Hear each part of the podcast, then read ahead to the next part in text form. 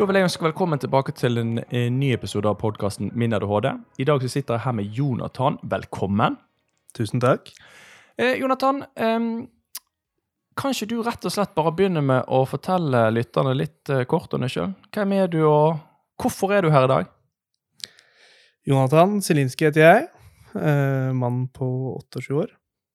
Eh, jeg fikk min eh, ADHD-diagnose i en alder av 27.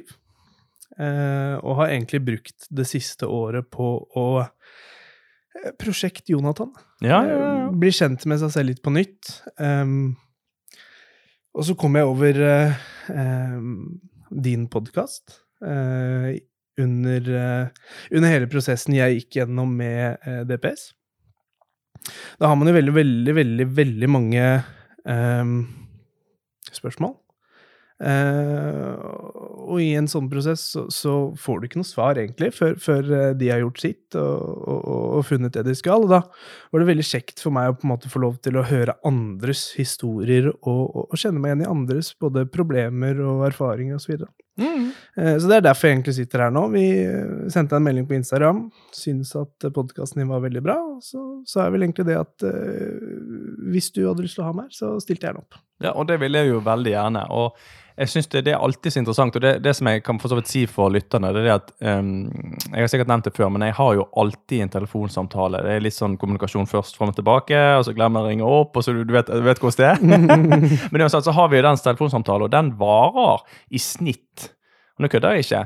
Stort sett er det sånn det pleier ikke å være noe mindre enn 90 minutter, og stort sett så går nærmere med to timer med de jeg jeg snakker med. Ja, ja, sant, det er nettopp det. Og da, og da noterer jeg ned, enten jeg sitter på mobilen og trener, eller jeg sitter foran datamaskinen og noterer ned, men da noterer jeg ned eh, veldig, veldig mye informasjon.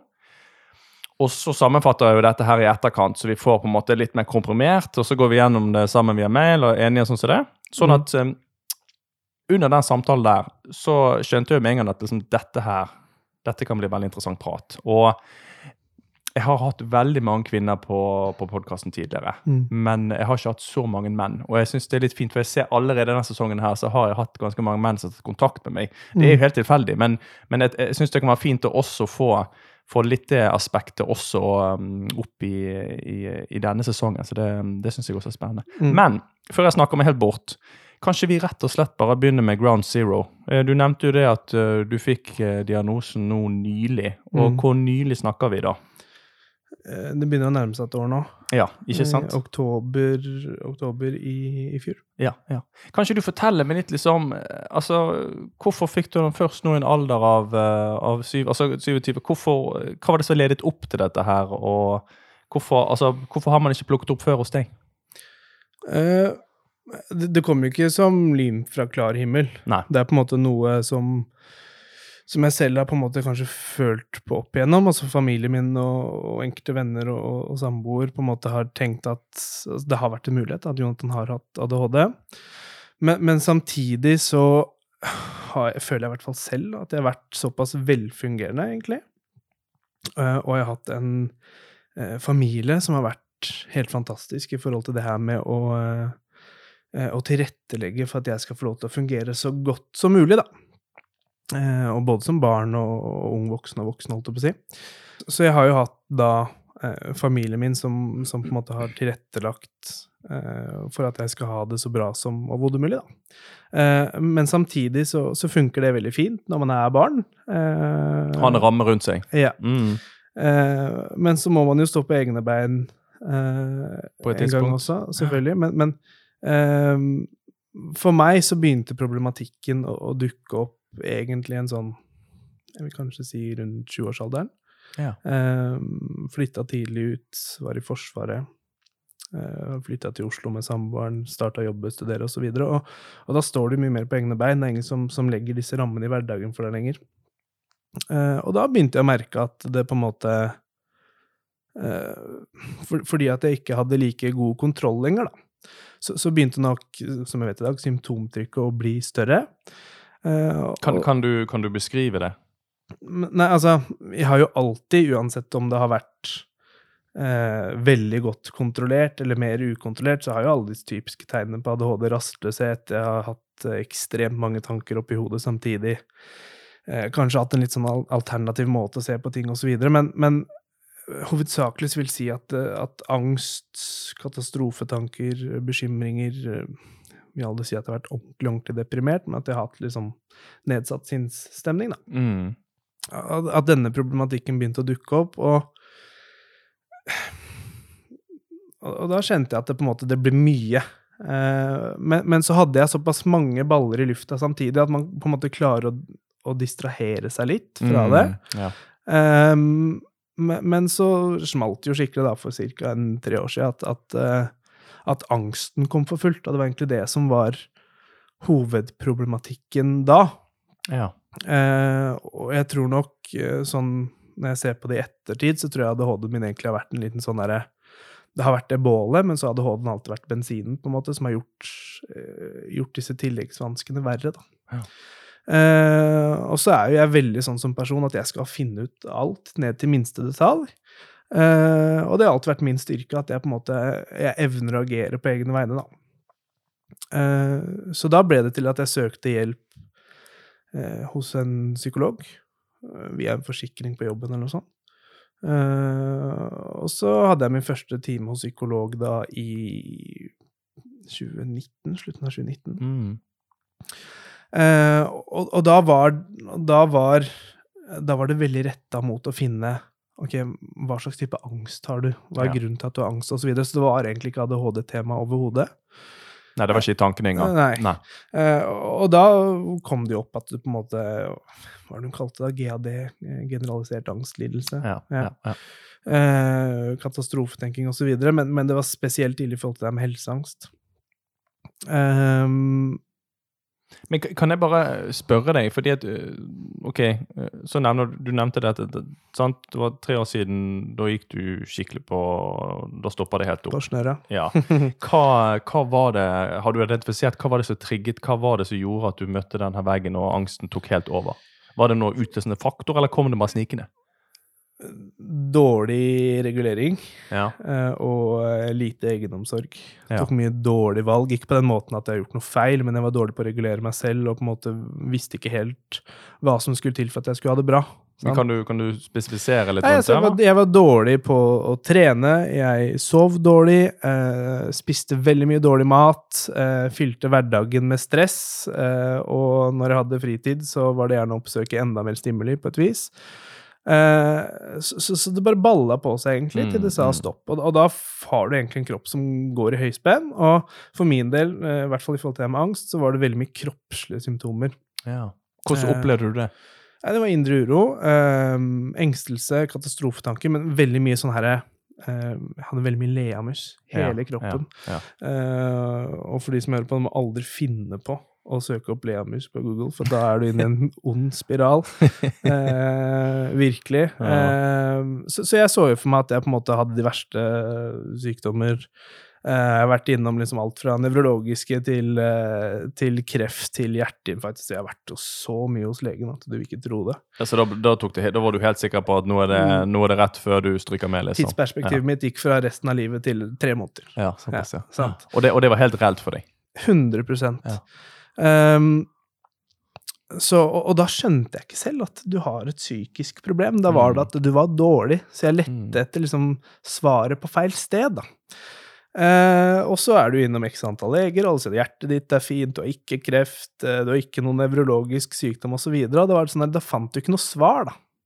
Og etter hvert, når jeg hadde liksom vært gjennom den syklusen her lenge nok, så, så skjønte jeg at okay, nå må begynne å tenke litt alternativt. Hva er det for noe?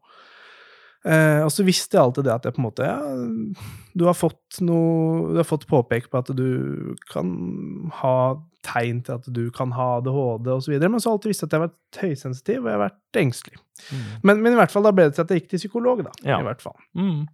Prata mye med hun, og hun hadde en sånn tilnærming på at man på en måte skulle ta kontroll over tankene sine.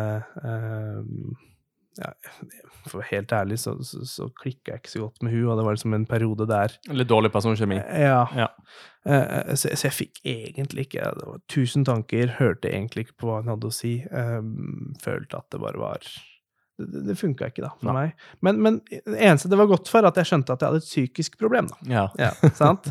Eh, og da også Google, da begynte jeg å google liksom generell angst, lidelse, du skulle finne svar på alt osv. Men, men samtidig så følte jeg at selv om veldig mye av de tingene nok har vært reelt, så, så kjente jeg meg ikke igjen i alt, på en måte. Fordi at jeg hadde katastrofetanker, jeg hadde angst, men uansett hvor mye jeg prøvde å på en måte bruke disse teknikkene som han leste om, eller som psykologen sa, så, så, så ble det ikke noe bedre, da. Nei. Eh, hadde et lite opphold på et halvt år, og så skjønte jeg at det går fortsatt ikke bra. Så jeg søkte etter en ny psykolog. Men da var det veldig viktig for meg da, husker jeg, at, at jeg skulle gå til en som drev med kognitiv atferdsterapi. For den, den har litt mer fokus på hvordan du oppfører deg i forhold til tankene dine. Greit nok, tankene er der, men, men hva gjør du med det i praksis? Sant? Men var dette noe du da hadde undersøkt i forkant, og da hadde på en måte fått for deg at liksom, ok, dette tror jeg kan funke, jeg vil gå til noen med kompetanse på det her? Mm. Ja. Mm. Uh, og, og det handler litt om at um, litt som person så har jeg vært veldig opptatt av på en måte gi en innsats for å få det bedre. Jeg har skjønt at det er ikke nok å bare sitte i sine egne tanker og, og, og altså, ja, Prøver du å stokke tankene til en med ADHD, så kommer du ikke så veldig langt, egentlig. Så du må begynne å oppføre det annerledes, da. Mm. Um, så, så det var viktig for meg. Uh, og da fikk jeg en veldig dyktig psykolog i Oslo som heter Trond Mjåland. Uh, og det husker jeg var veldig fint. Man, vi hadde veldig god kjemi. Um, men i en fase av livet der jeg på en måte hadde gått på smell etter smell, begynte å få litt dårlig troa på meg sjæl, så satt jeg egentlig i stolen med han, og så følte jeg at Oi, den personen her Jeg føler at han syns at jeg er eh, både reflektert og klok og eh, Han, han bygga meg opp litt, da, rett og Mm. slett. Eh, og det gjorde at jeg hadde en veldig god kjemi. Og og han snakka ikke så mye selv, men han, han, han var litt sånn på det her å forstå eh, at eh, det, det fins en risiko ved å leve. Sånn er det bare. Eh, og du må på en måte bare begynne å oppføre deg som det her kommer til å gå fint. Eh, og så er det det eneste du egentlig får gjort med det problemet. Eh, det å drive og spinne i sine egne tanker, det funker ikke spesielt Ja, godt. da. dårlig. Eh, men han så også på meg at jeg eh, sitter litt sånn som jeg sitter nå. Ja, ja. Mye. eh, hadde litt spenninger i kroppen, klarte ikke å, å sitte rolig osv. Og, så, og så sa han til meg jeg ser at du fikler en del, jeg ser at du på en måte er litt urolig i kroppen. Er du, er det oppspilt? Er det liksom engstelig? Nei, det er bare sånn jeg er. Mm. Å ja.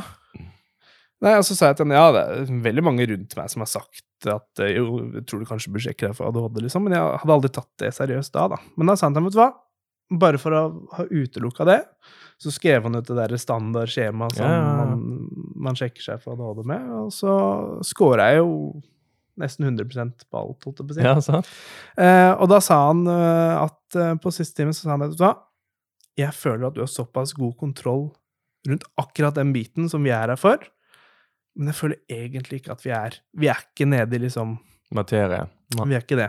Så, så han sa det at vet du hva, jeg sender den her til DPS, og så håper vi på at du får en time. Og da gikk det ganske fort, egentlig, til jeg fikk en, et brev fra DPS som sa at jeg eh, hadde fått time der i Det her var i juni, tror jeg. jeg var ferdig der. Så fikk jeg Mm. vel time i november. Ja.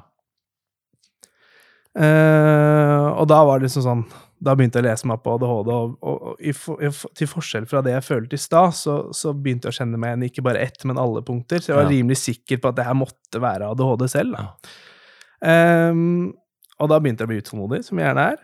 Eh, så da ringte jeg til, DPS og spurte liksom, kan jeg få time før. Eh, nei, første gangen, det er ikke mulig. Eh, og så skulle jeg bli pappa, eller har blitt pappa nå, men, men på det tidspunktet skulle jeg bli pappa, og det var veldig viktig for meg å på en måte finne ut av det her før ungen kom. Nå, når var terminen, da? Eh, terminen var eh, 20. februar. Ja. Den kom 26., tror jeg. Ja. Ja, ja. 26. Ja, jeg tror ikke jeg vet.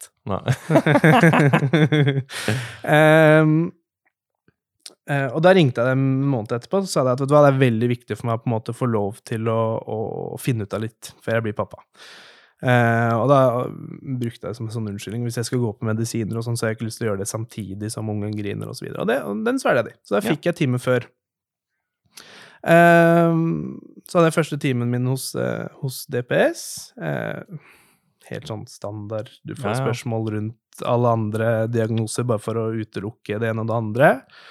Um, husker at jeg satt også på venterom der først. Og så der, altså, du sitter faktisk da i, i en setting der du sitter rundt mennesker som dessverre da har mange tunge psykiske lidelser. Mm. Eh, og, da blir det litt sånn herre hva, hva sitter jeg her for, liksom?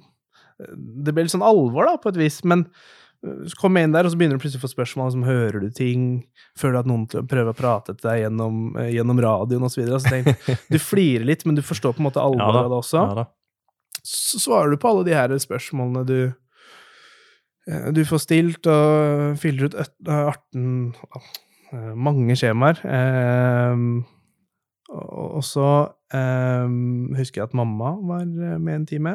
Eh, Ja, det er jo veldig vanlig at eh, foreldre eller eh, mm, pårørende mm. eh, og hun blir jo spurt ut, og ja, hun er jo eh, hun er veldig, veldig bestemt dame. Så jeg husker det var litt sånn tens når hun var med. Det var sånn der, Skal ikke fortelle meg hvordan ungen min er, liksom. Men, men, så, så, så hun, eh, hun kjøpte ikke helt ADHD den der og da? Jo, altså jeg tror hun kjøpte det, men jeg Ja. tror hun følte på en måte at uh, hun der eh, psykiateren som jeg var hos, skulle liksom uh, fortelle henne hvordan jeg var, da. Ja da. Og mamma som har vært så hands on opp igjennom, kanskje litt invaderende. Ja. Eh, men men, eh, men eh, hun var nå med, da. Og helt på slutten av den timen faktisk så sa hun jeg kan ganske sikkert si Jonathan, at du har ADHD. Ja. Så da fikk jeg diagnosen. Uh, og så fikk jeg vel egentlig ikke noen medisiner og sånn da, eller tilbud om det, men timen etter fikk jeg. Uh, og da spurte hun meg liksom, har du lyst til å gå på medisiner, og da sa jeg først nei. Hvorfor det? Eh, jeg er på en måte oppvokst med spesielt mor, som har vært litt sånn der Spis brokkoli, sov godt, eh, ta vare på helsa di, brukte ikke mye Paracet. Hun har vært liksom veldig opptatt av eh, Jeg vil ikke si alternativ, for det er ikke det det handler om, men ikke propper deg full av medisiner, i hvert Nei, fall. nei. Um, og samtidig så hadde jeg fortsatt litt den der angsten, ikke sant? Altså når du begynner å lese om ADHD-medisiner og så Ja, da, videre. det er så- noen bivirkninger der, Ja, vet ja. du. Ja, da. jeg skulle være han ene som falt om hjertestans ikke Ja, sant, sant. på grunn av Ritalin. Og det er sånn jeg alltid har tenkt, ikke sant? Så, så, så um, jeg var skeptisk. Prata selvfølgelig med foreldre og venner og sånn hva de syns, og så tenkte jeg at ja, jeg dropper det.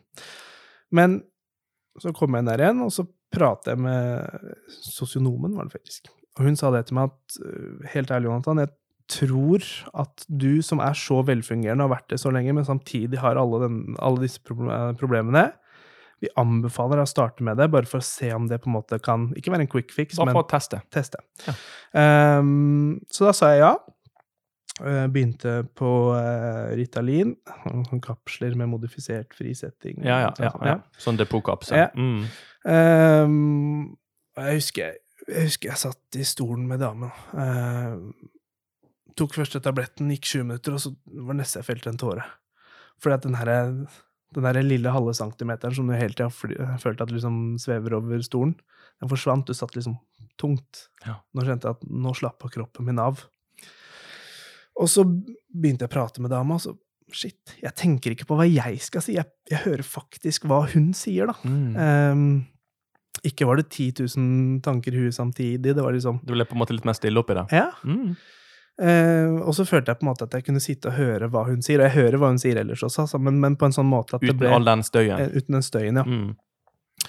Uh, og så tenkte jeg det her er jo bankers, det er great. Eh, men så mister jeg matlysten. Eh, Det er veldig vanlig. Ja. Eh, og så er jeg jo Jeg kan ikke si for sikkert, men jeg er typen som ikke kan drikke for mange kaffekopper, for der kjenner jeg at det kribler i kroppen, så jeg er nok litt sensitiv da, for sentralstimulerende. Eh, og den følelsen fikk jeg litt av Ritalin også.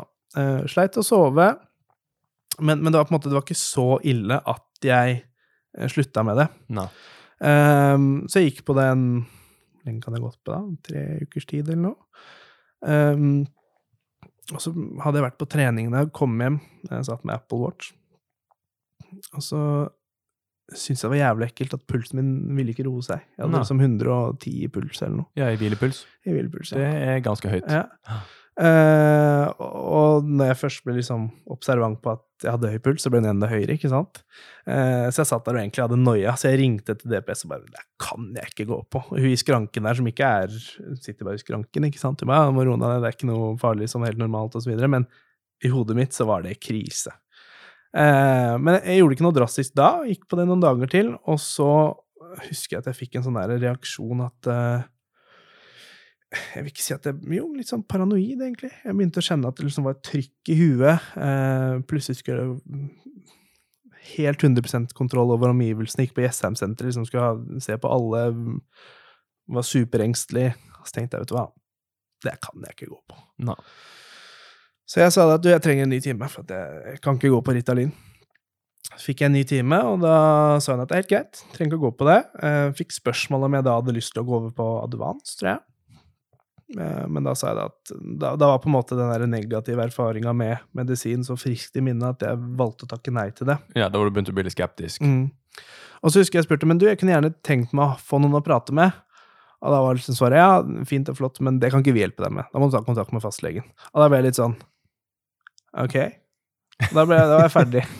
er, er, det, er, det, er det sånn her det er, liksom? Dessverre.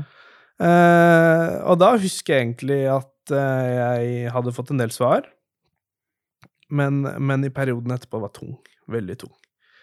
Fordi at da føler du på en måte at du skal bli kjent med deg selv på nytt. Um, du har fått noen sånn, liksom, Jeg vil ikke si definitive svar, men du har fått noen liksom eh, Du har fått noen forklaringer, på en del ting. forklaringer Ja. på, på, på hva som er galt. Mm. Um, men, men jeg følte på en måte Jeg hadde kanskje en litt mer en større forventning av at eh, nå skal noen hjelpe meg å fikse det her konkret. Men sånn er det jo ikke. Så da var det meg og meg selv igjen. Men så har jeg litt den der personligheten at eh, jeg vil nesten si at hyperfokuset mitt kicka inn på riktig sted. så jeg satt og på en måte leste opp og ned på liksom ja, grisetunge forskninger og eh, studier, og jeg eh, begynte å sette meg inn i ting liksom på ordentlig nerdete nivå, liksom. Um, Jeg virkelig leste deg opp. ja, ja. Men, men, men, men da begynner du å forstå mer. Eh, og så skjønte jeg det at på en måte Og det var kanskje litt også grunnen til at jeg takka nei til medisin. At jeg følte at på en måte at ja, medisin kan være vel, eh, vel bra, det, men, men jeg følte ikke at jeg var på et sted i livet der medisinen alene kunne gjøre en så stor forskjell. Fordi at jeg visste at jeg på en måte hadde mange relasjoner som på en måte var litt shaky. Eh, mange venner som jeg kanskje ikke burde være venn med. Um, det var liksom eh, fødsel oppå det hele. Ehm, det var eh, dårlig selvdialog. Det var dårlig matvaner, lite søvn osv. Så, videre. så jeg så jeg vi må starte riktig ende her. For jeg vet jo i dag hvor mye alle disse tingene på en måte kan øke symptomtrykket av ADHD. sant? Absolutt. Eh, Og så- er, er det jo litt det der med å tenke på at altså en, med, en medisin, uansett i hvilken fase man er i livet, mm, så er det en del av hele spekteret når du skal komme på en måte til å hva skal vi si, håndtere din ADHD og fungere i hverdagen. Sant? Den, er, mm, den, den, den, den blir den, den er en potensiell krykke mm. hvis du, hvis du føler den fungerer og ønsker å bruke den, men så må du gjøre alle disse andre grepene også. Mm.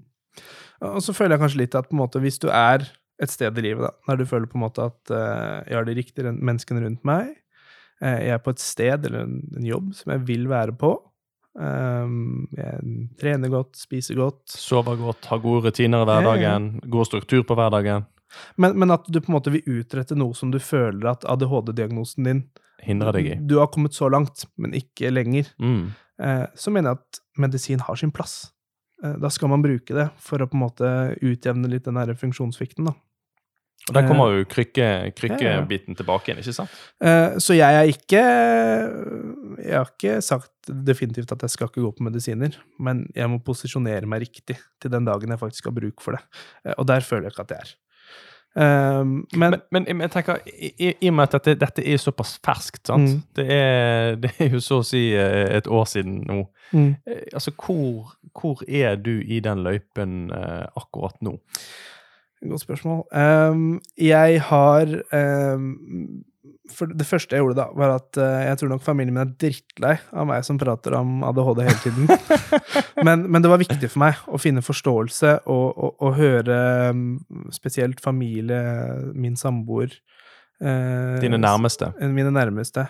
Uh, sine, sin side og på en måte synspunkter og, og hva de tenkte.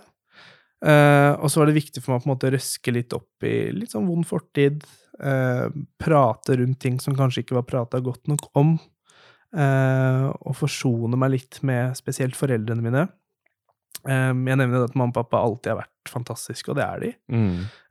Og de har vært Jeg tror nok mamma og pappa har jobba 200 100% i jobben sin og 100% med meg, men samtidig, da, når man har en barndom der man ikke er klar over egentlig hva som jeg vil ikke si feiler seg, men, men eh, så, så det, det, ja, det, det oppstår en del friksjon, da.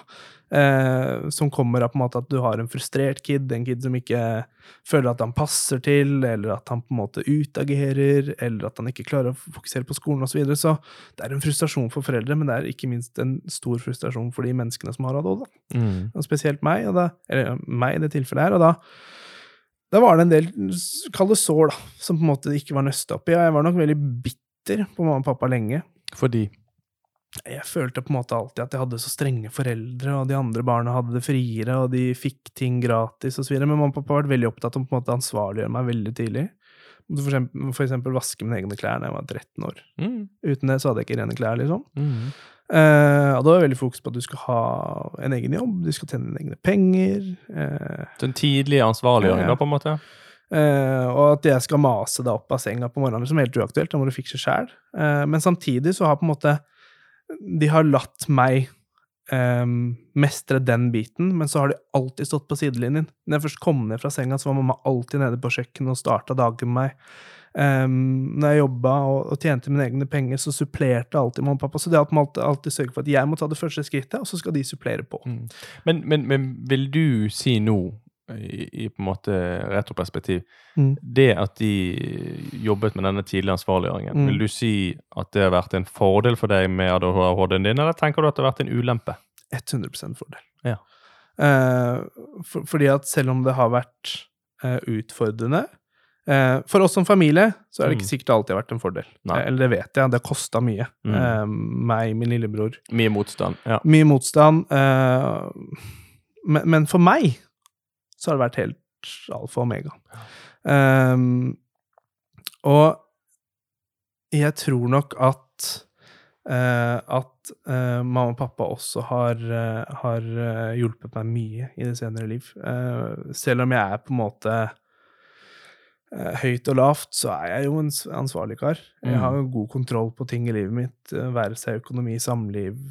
Eh, jeg har alltid vært i stand til å liksom fikse meg sjæl. Du er såkalt høytfungerende med ADHD, som vi sier. Ja. ja. Så, så, så, så de har gjort meg en tjeneste, men, men ja, det har kosta familien. Ja. Det har det. Um, og, og jeg vet jo det at spesielt, Det har jeg følt litt på etterkant, og kanskje min lillebror, da, som på en måte alltid har vært Han er veldig lik meg på mange måter, men veldig forskjellig. Kanskje litt mer stille, litt mer tilbaketrukken på mye. Eh, buser ikke ut med følelsene sine til enhver tid, osv. At han i perioder også kan ha vært litt glemt, da.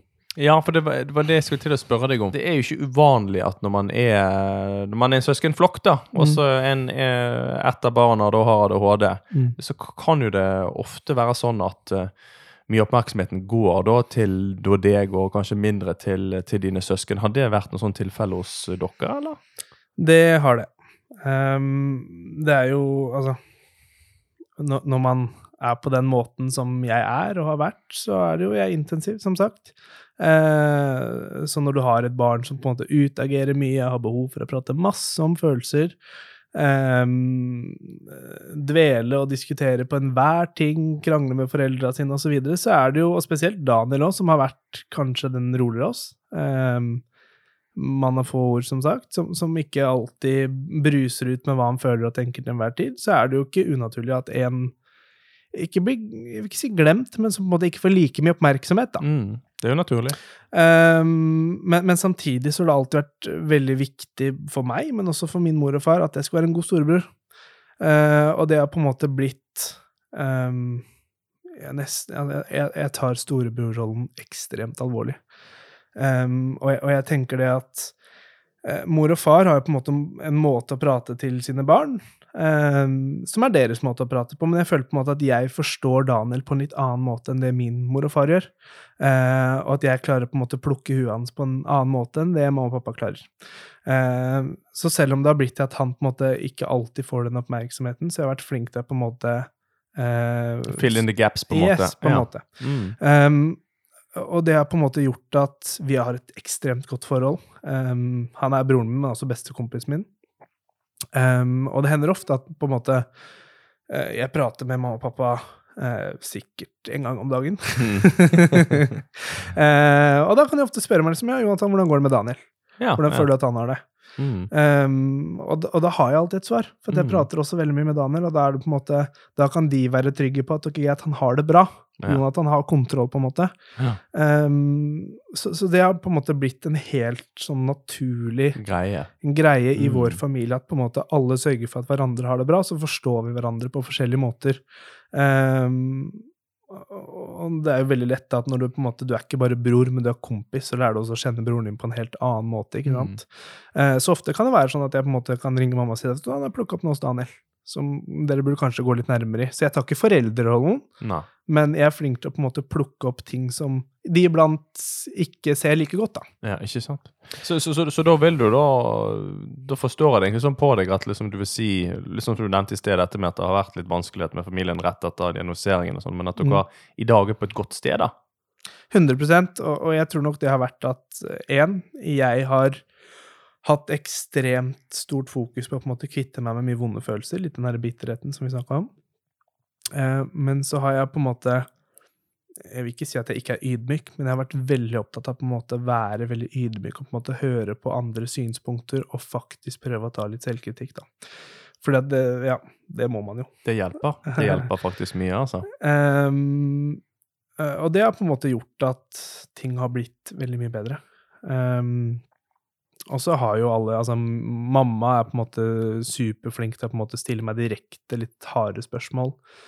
Spørsmål som får deg til å tenke. Eh, mm. Pappa sin rolle har kanskje vært litt mer å, å, romme mer, prate litt rundt følelser, eh, normalisere. Eh, eh han er kanskje litt mer høytflyvende i måte å prate på, så han er kanskje litt mer eh, En bedre sparringspartner når hodet mitt har behov for å, for å prate litt mer eh, distansiert. Um, og så har du Daniel, da, som oppi det hele han jeg, Jeg kan gjerne sitte og, og, prøve å ha en dyp samtale med han, uh, men, men, men, Det går i perioder, uh, men, men, hans rolle har aldri vært å på en måte Hans rolle har alltid vært han, han, er på en måte Kall det litt sånn hypeman, da. At han alltid skal sørge for at jeg har det bra. Uh, og det er litt min rolle for han òg, så vi har på en måte hatt en litt sånn derre vi passer på å være oppløftende for hverandre, da. Mm. Så, så, egentlig en ganske god dynamikk, da. Veldig. Ja. Veldig. Eh, og det har vært litt sånn godt å se også, for at hele tiden så har det vært fokus på alt som ikke har fungert. Mm. Men så ser man jo også at fader heller, man er heldig for at man har en familie som er unik, men den fungerer faktisk ganske godt også. Eh, så det har vært kult. Ja, men så bra. Du, det jeg, det jeg tenker litt på, det er i og med at du har diagnosen så ferskt nå. Mm. Uh, og uh, du, den har gått under radaren så å si hele livet ditt. Mm. Så jeg er litt nysgjerrig. altså Hvordan har du vært på en måte, i utdanningsløpet ditt fra på en måte barneskolen og opp til høyere utdanning, og ikke minst gjennom yrkeslivet ditt? fordi at dette er jo to arenaer hvor man typisk kan se at ADHD-en pipler litt fram. Mm. for å si det sånn. Så mm. kanskje du forteller meg litt om det? Den har pipla fram, skjønner du. Um, jeg, som barn på barneskolen, så var det mer eh, der at jeg på en måte jeg var mer opptatt av å skravle og skrike og være klovn og eh, spre god stemning osv. Eh, var ikke flink til å regulere meg, så det gikk gjerne på bekostning av læreren, som prøvde å, å lære bort. Eh, og det gjorde at man på en måte hele tida fikk litt sånn uønsket oppmerksomhet, da, kall det. Ja. Eh, både for meg og foreldre, egentlig. Det er aldri kult for mor og far å, å få mye påpek på ungen sin også. Uh, men, men, samtidig, man kommer litt unna med det for at man er barn. Men så fortsetter jo det her på ungdomsskolen. Eh, og da er det jo ikke lenger eh, frie tøyler, i ingen rammer, holdt jeg på å si. Nå får du plutselig karakterer.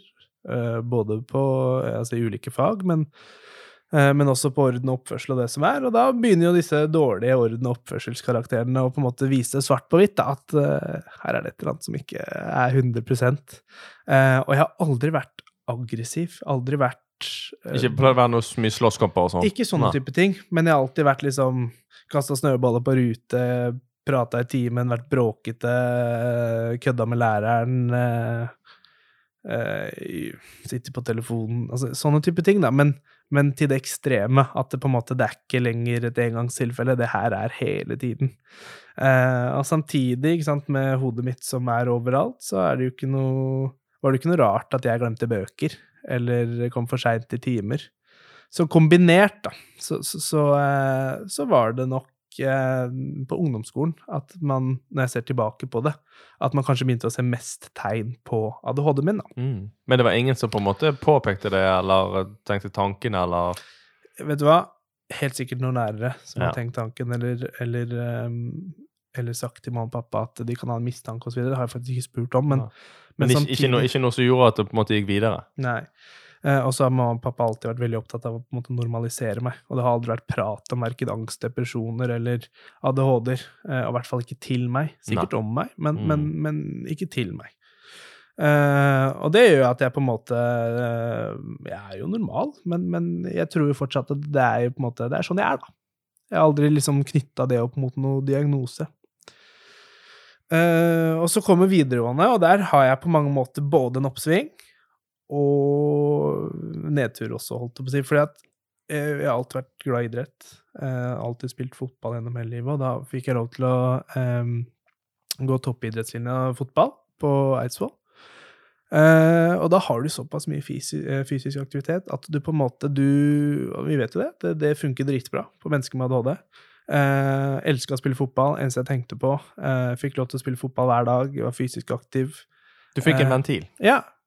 Eh, og det har jeg egentlig hatt hele tiden også, men det blir satt så i struktur, og med toppidrettslinje der det var Altså, jeg spilte fotball hver dag. Jeg tror jeg sikkert hadde ti økter i uka, ikke sant? Uh, og så var det noe jeg syntes, jeg syntes var kjempeinteressant òg. Uh, så det gjorde at du på en måte fungerte bedre, da. Eh, og samtidig så kom man jo i timen kanskje litt uh, utlada. Man hadde ikke det høyeste energinivået til enhver tid, så det gjorde at det kanskje var litt lettere, i hvert fall, eh, eh, å fokusere på skole.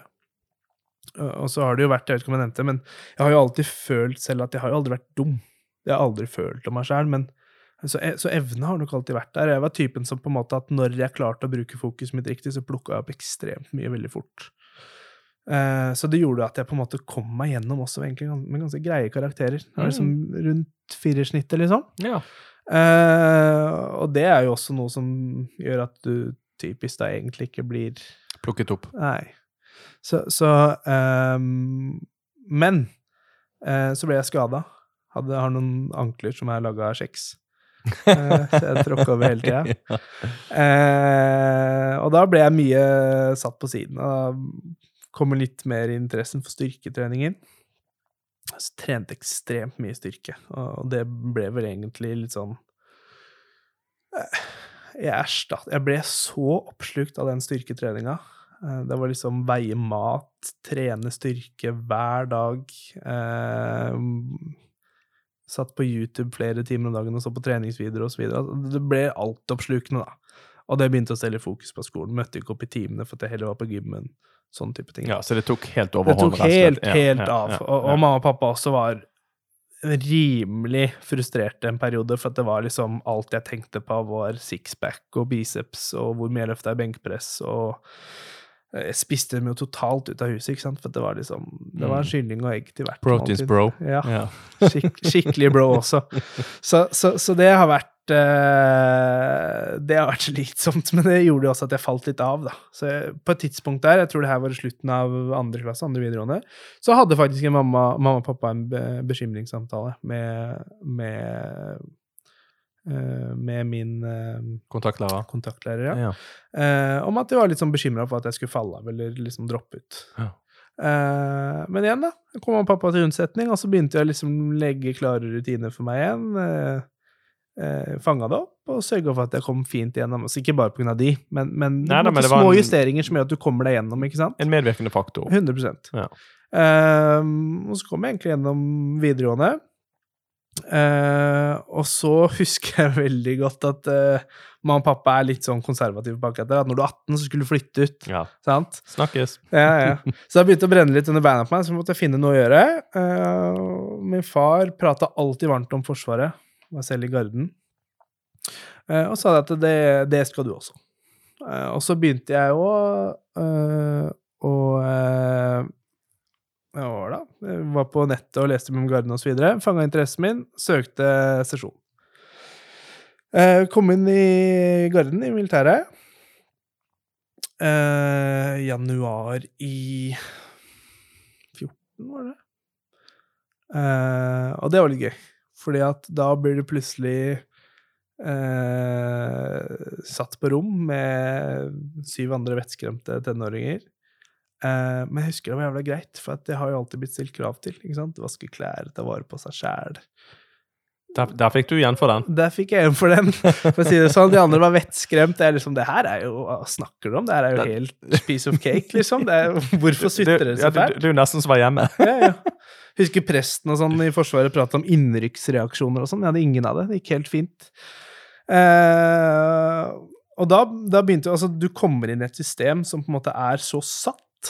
Eh, det er så klare forventninger til deg. Det er, det er, ingen, det er ingen lese mellom linjene. Ja, veldig tydelige rammer. Veldig tydelige rammer.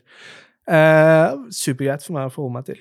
Eh, fungerte mye bedre enn jeg trodde sjøl. var eh, dyktig. Eh, så dyktig at jeg ble Jeg fikk mye ansvar tidlig.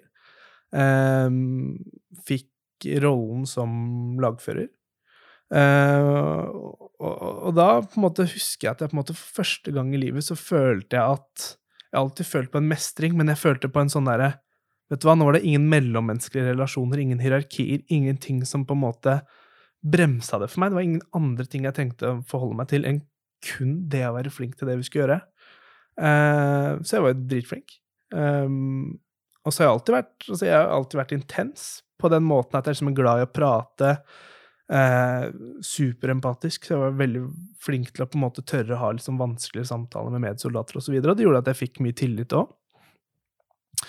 Eh, så, så jeg ser på hele denne, det året i Forsvaret egentlig som noe superpositivt. Eh, fungerte egentlig bedre enn jeg noensinne har fungert sånn over et år, da. Mm. Uh, og det gjorde at du på en måte, når du får høre at du er flink, og du får gode skussmål osv., så, videre, så begynner du å tenke hm, er det her noe for meg? Mm. Og da husker jeg på samme tidspunkt så hadde um, Telemarksbataljonen opptak. Så da meldte jeg meg på det. Um, kom greit ut av det. Hadde noen intervjuer og så videre. Jeg har alltid vært flink til å prate for meg. Så, så um, Jeg skjønte allerede da på intervjuet at uh, det går veien. Uh, og så kom jeg jo inn. Uh, og det husker jeg var stort. Veldig stort. For det var på en måte Det hadde ikke vært en guttedrøm, men jeg tror alle drømmer på en måte om å måte være soldat eller politi eller kjendis. Altså, for meg så var det liksom sånn der jeg hadde funnet mitt kall, da, føltes det ut som. Um, og så kommer jeg inn i TMB-en og på en måte tenker at nå skal jeg bare fortsette å være så flink som jeg har vært. Nå uh, My time to shine, holdt jeg på å si. Men så kommer du inn i et system som på en måte Det er ikke førstegangsjente lenger. Det er på en måte satte hierarkier. Det er um, Altså, i et sånt miljø så er det Det er nesten forventa, da, at de nye skal behandles som dritt. Ja. Sant? Så du kommer inn, og så blir du behandla som dritt, da. Ikke sant? Eh, Bare fordi det er sånn. bare fordi det er sånn. Eh, og, og sånn mener jeg oppriktig at det skal være, for du er ikke Du er ikke på, eh, på leirskole. Nei. I ytterste konsekvens så skal du faktisk ut i krig, ikke sant? Ikke Du må på en måte Rustes for det. rustes for det. Eh, men selv om jeg fungerte bra, jeg var jo dyktig i det jeg drev med, jeg lærte fort, men jeg slet veldig altså Jeg begynte å slite veldig mye med den mellommenneskelige relasjonen igjen, da. Eh, følte veldig mye, tenkte veldig mye, begynte å tvile på meg sjæl på grunn av denne måten å bli behandla på. Da Mm. da forsvant interessen, ikke sant. Da forsvant motivasjonen min. Så jeg husker at jeg hadde eh, en samtale med min troppssjef der jeg på en måte drøfta litt med han at jeg tror kanskje ikke det er for meg. Og da sa han at men du, jeg skjønner ikke hva du overtenker for, for at eh, sånn i forhold til leveranse av det du leverer, så er du akkurat der vi forventer at du skal være. Eh, så han skjønte ikke helt, tror jeg, på det tidspunktet hva som var greia. Eh, og sa til meg at vet du hva, vi vil gjerne at du skal bli med på en utenlandsøvelse. Da var vi i Nederland i 14 dager, tror jeg. Eh, og det var jævlig fett. Uh, Syns det var gøy, men, men jeg kjente vel på det tidspunktet at Du hadde bestemt deg. jeg hadde bestemt meg, Mm. eh, og så kjente jeg at det på en måte at det var ikke lenger håndfaste problemer jeg sleit med. Det var mellommenneskelige relasjoner. Det var uh, det å takle å bli behandla på en u- altså, litt sånn urettferdig måte, og ikke det at fordi at i, i, førstegangstjenesten så ble alle behandla urettferdig. Men nå var det plutselig bare jeg som ble behandla urettferdig. Jeg og fire-fem andre som kom inn. ikke sant? Og det, det kjente jeg veldig på. Og samtidig på det tidspunktet også så uh, møtte jeg jo min samboer. Uh, Klikka fort med hun. Uh, og hun skulle på det tidspunktet flytte inn til Oslo med to venninner uh, for å studere. Og, og da ble det på en måte interessen Da var Det det, var, det var en ny faktor som Ja. gjorde at liksom at ok. da, Det var på en måte Det var min vei ut, da. Mm. Um, så, og, og da hadde vi vært sammen i tre-fire måneder, liksom.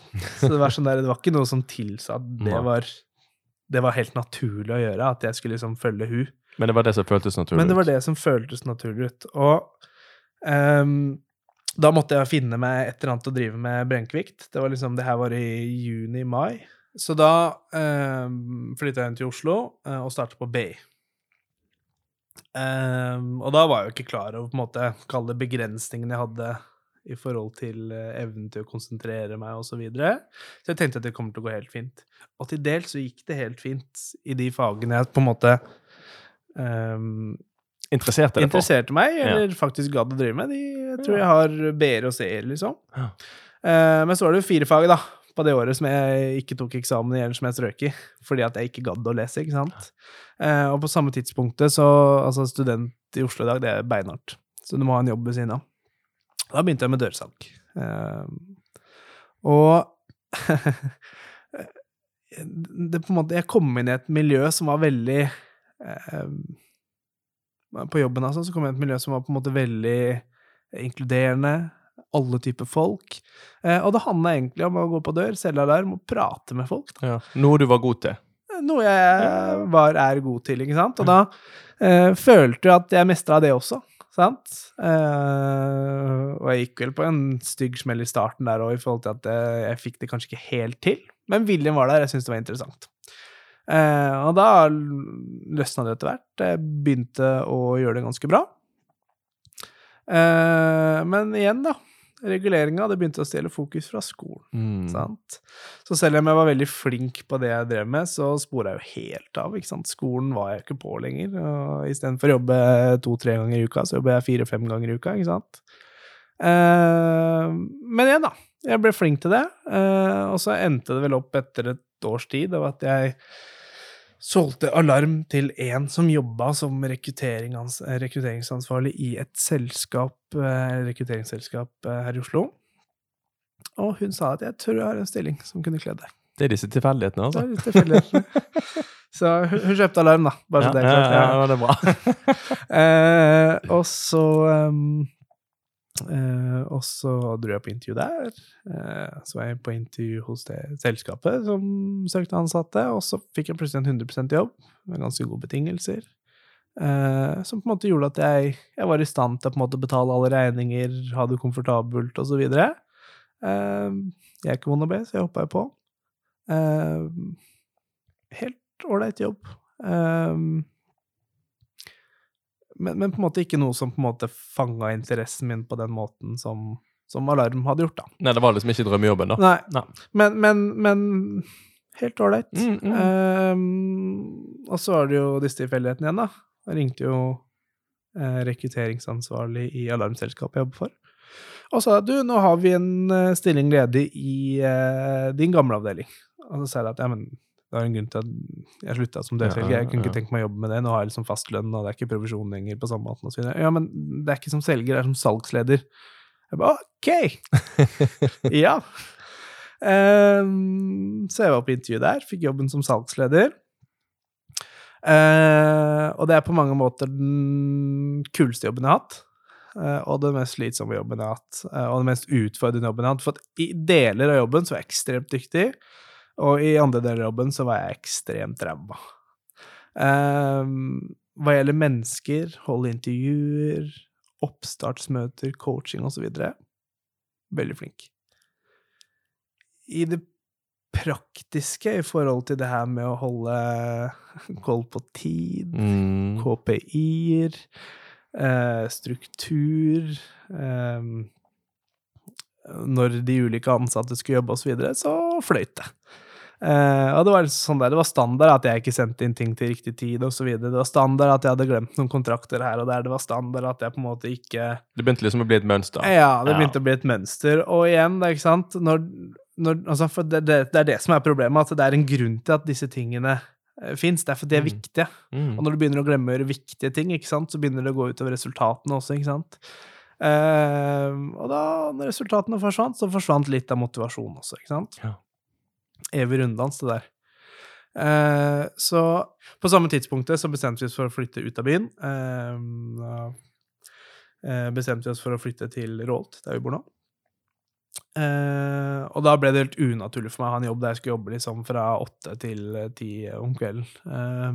Det passet ikke inn i livs... passet ikke inn i livet i det hele tatt. Så det, så det ble til at jeg heller fikk meg jobb på bedriftssalgsavdelingen. eh, og begynte å selge bedriftsalarm. Og det var liksom åtte til fire. Eh, noe reising, men ikke mer enn at det liksom lot seg kombinere med ja, litt lengre reisevei, familie osv.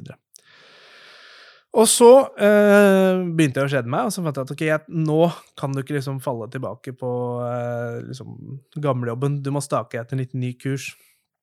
Og på samme tidspunkt så hadde jeg også kjøpt meg første bilen min Ja. og begynte å interessere meg for bil. Uh, og det ble sånn altoppslukende bilinteresse. Liksom jeg satt og Jeg var inne på liksom uh, bilforhandlernes sider og spekka biler, og det er sånn Og mange timer om dagen. Uh, da bestemte jeg at jeg skal selge bil, uh, men jeg hadde ikke noen kontakter eh, som drev med det her. Og da tenkte jeg ok, du da må du bare gjøre det du gjør best. Du må gå på døra til folk, og så må du banke på. Eh, Så jeg begynte å banke på døra til bilforhandlere på Jessheim. Og spurte om du, trenger du en dyktig selger som jeg kan komme inn på gratis for deg på lørdager. Og da var det et par som sa nei, vi trenger ikke, eller nei, vi har akkurat ansatt noen, videre. Men det var én som på en måte hadde et forhold til eh, eh, min mor og far. Ikke at jeg kjente eller noe, men mamma og pappa hadde hatt bilen sin på verkstedet der et par ganger. Så han på en måte kobla to pluss to, da skjønte ikke jeg er sønnen deres.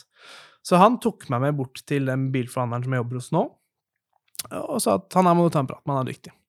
Eh, Ett intervju, to intervju, fikk jobben. Eh, og så syntes jeg det var dritgøy i starten. Trivdes med det. Eh, men samtidig, da, så var det jo på en måte her at den verste smellen min kom, i 19. Ja.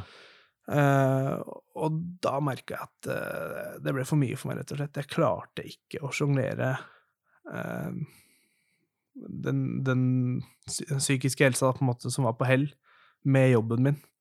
Så det ble til at jeg på en måte Jeg fungerte ikke bra. Um, og, så, og så var det noe med det her med de på en måte det var Fine mennesker som jobber der, og så videre, men det var ikke min type folk. Så jeg begynte å kjenne veldig på det også. Um, og da ble det til at jeg på en måte sakte, men sikkert skjønte at vet du hva Her kan du ikke være. Og det, jeg brukte lang tid. Bare finne Eh, ut av det. Ja, og det var fordi at jeg på en måte hadde ikke hadde ikke den luksusen at jeg kun kunne ha fokus på hva jeg skulle jobbe med. sant? Det var på en måte angsten, ADHD, diagnostisering osv. Så, videre. så jeg gikk vel på en smell. Jeg ble sykemeldt, og var vel sykemeldt i et halvt år. Mm. Det er ikke uvanlig. Nei. Ehm, og da skjønte jeg at okay, at nå må du faktisk ta tak. Det her går ikke. Så jeg begynte på en måte å forberede meg selv på at okay, du skal ikke jobbe her for alltid, du må finne noe annet. Men så ble det til at jeg på en måte hele tiden utsatte det litt. Um, var på et intervju um, som jeg syntes for var sånn halvveis ålreit. Um, ble til slutt at jeg takka nei til den jobben pga. omstendighetene. Jeg visste at det, på en måte, da faller jeg litt tilbake til gamle mønster. Mm. Så jeg begynte å være, være, være, mer, være mer kritisk da, til hvor jeg skal hen. Eh, for at jeg forsto meg selv bedre etter diagnosen. Um, men så ble det til at vet du hva, jeg må bare ha en clean break. Det her er ikke bra for meg lenger. Eh, jeg, jeg, må på en måte litt tilbake til litt sånn gamle, gale Jonathan, som bare hopper ut i ting og bare tar ting litt sånn som det kommer. Litt den impulsiviteten. Ja, ja, ja. For, det, for det, det, er ikke bare negative ting med det. Jeg tror nei, at Hvis du sitter for lenge på samme sted og ikke kommer deg videre, så det tuller med hodet ditt, da. Mm. Um, og, og, så jeg sa til meg selv, at nå må vi ta et valg. Og så hadde jeg selvfølgelig familien min rundt meg som på en måte sa det at vet du hva, vi støtter deg. Uansett hva det blir til at du skal drive med, så er vi her. Mm. Eh, vi kan ikke betale regningene dine, men vi kan gi deg tips, og vi har tid til å prate med deg når du trenger om det. Altså, hvis du trenger å drøfte rundt et intervju, en fremtidig jobb eller situasjonen din, så, så er vi her. Og da skjønte jeg, vel, eh, skjønte jeg vel det selv, at vet du hva, jeg har det nettverket rundt meg som jeg trenger, og jeg er også kapabel til å på en måte stake, eh, stake ut en ny kurs. Og det var fordi jeg på en måte følte at jeg hadde veldig kontroll, mer kontroll i hvert fall, eller ganske god kontroll på, på måte min psykiske helse. Ja. Og jeg hadde fått noen svar, og jeg følte at på en måte om jeg har ADHD eller ikke, det, det bestemmer ikke hvilken jobb jeg kommer til å få. For nå, nå, skjønte jeg på en måte Jeg skjønte at ok, jeg, du sliter kanskje med struktur, og, og, du sliter kanskje med å holde tid og sånn iblant, men, men ved helt enkle metoder og bevisstgjøring rundt det, så, så, klarer du det helt fint. Men det kommer ikke gratis, du må bare jobbe aktivt med det. ikke sant? Ikke sant? Eh, og det har gjort at jeg har en helt annen trygghet, og kall det selvtillit, i eh, veien videre. Det er, ikke, det er, ingenting som er bestemt når jeg er ferdig i min pappapermisjon. Eh, men, men samtidig så vet jeg at når februar kommer, så er jeg i stand til å på en måte Da har jeg på en måte vært um, jeg har vært gjennom en prosess, da. Uh, og jeg, jeg, er veldig trygg på meg sjøl, at det kommer til å ordne seg. Ja, Og da er det liksom, du, du er positivt for, for, det som kommer? Mm. Absolutt. Og, og, det, og det, er det, det, som er veldig deilig nå, at det er jo Det er virkelig dype daler, og så er det veldig eh, høye høyder også, i forhold til at jeg har veldig troa på meg sjæl, på at det ordner seg, og jeg har på en måte nå vet jeg at måte, om du skulle få deg en smell, så har du verktøyene du trenger for å plukke deg selv opp igjen, mm. og du har blitt flink til å drive med egenomsorg, og du regulerer deg selv mye bedre i dag. Eh, selvdialogen din sier at du er flink, den drar deg ikke ned lenger, og du er på en måte, du er på et helt annet sted. da. Um, og det gjør at jeg på en måte istedenfor å være usikker i en prosess som kanskje mange utenfra vil sette ja, men det er mm. usikkert, du har ikke jobb Det er jo skummelt. Ja, ja. ja så er jeg veldig trygg. Ja. Jeg føler at det kommer til å ordne seg. Du har, du har på en måte en, en, litt annen plattform enn tidligere? 100 mm. uh, Så det gjør egentlig at jeg på en måte eh, Når jeg sa opp jobben min i juni, uh, og så begynte jeg å få liksom mye tilbakemeldinger fra kollegaer om faen, hvorfor er du så blid? Det så blid der om dagen? Familien min bare Det er godt å se at du har det så bra, liksom. Og det var sånn mm. derre Det var det her som skulle til. Ja. Det er liksom, Du føler at det var et riktig valg? Mm. Ja. Så, så det er på en måte i forhold til den herre uh, I forhold til den herre um, symbiosen av ting da, som man må gjøre for å få seg selv til å fungere, så følte jeg på en måte det var det siste valget jeg trengte å ta uh, for at jeg skulle ha det bedre. Ja. For da hadde jeg brukt så mye tid på liksom regulering, egenomsorg, uh, forståelse, fikse opp i relasjoner, kutte ut venner, spise bedre, trene, være oppmerksom på når jeg legger meg, osv. Så, så, så puslespillene falt litt på plass, da, rett og slett. Eh, så nå gleder jeg meg egentlig til å se hvor jeg skal jobbe i fremtiden. Ja, men så bra. Så bra. Og så eh, må jo du holde meg litt For jeg er jo litt nysgjerrig sjøl, så du må holde meg litt oppdatert på eh, For det, du er jo på en måte Du er jo i en prosess med dette, så det, du må holde meg litt oppdatert. Mm, det må du. Um, jeg vil si tusen tusen hjertelig for at du stilte i dag. Det har vært en veldig interessant prat, og jeg setter pris på at du, du stilte og deltok. Det har vært eh, veldig koselig.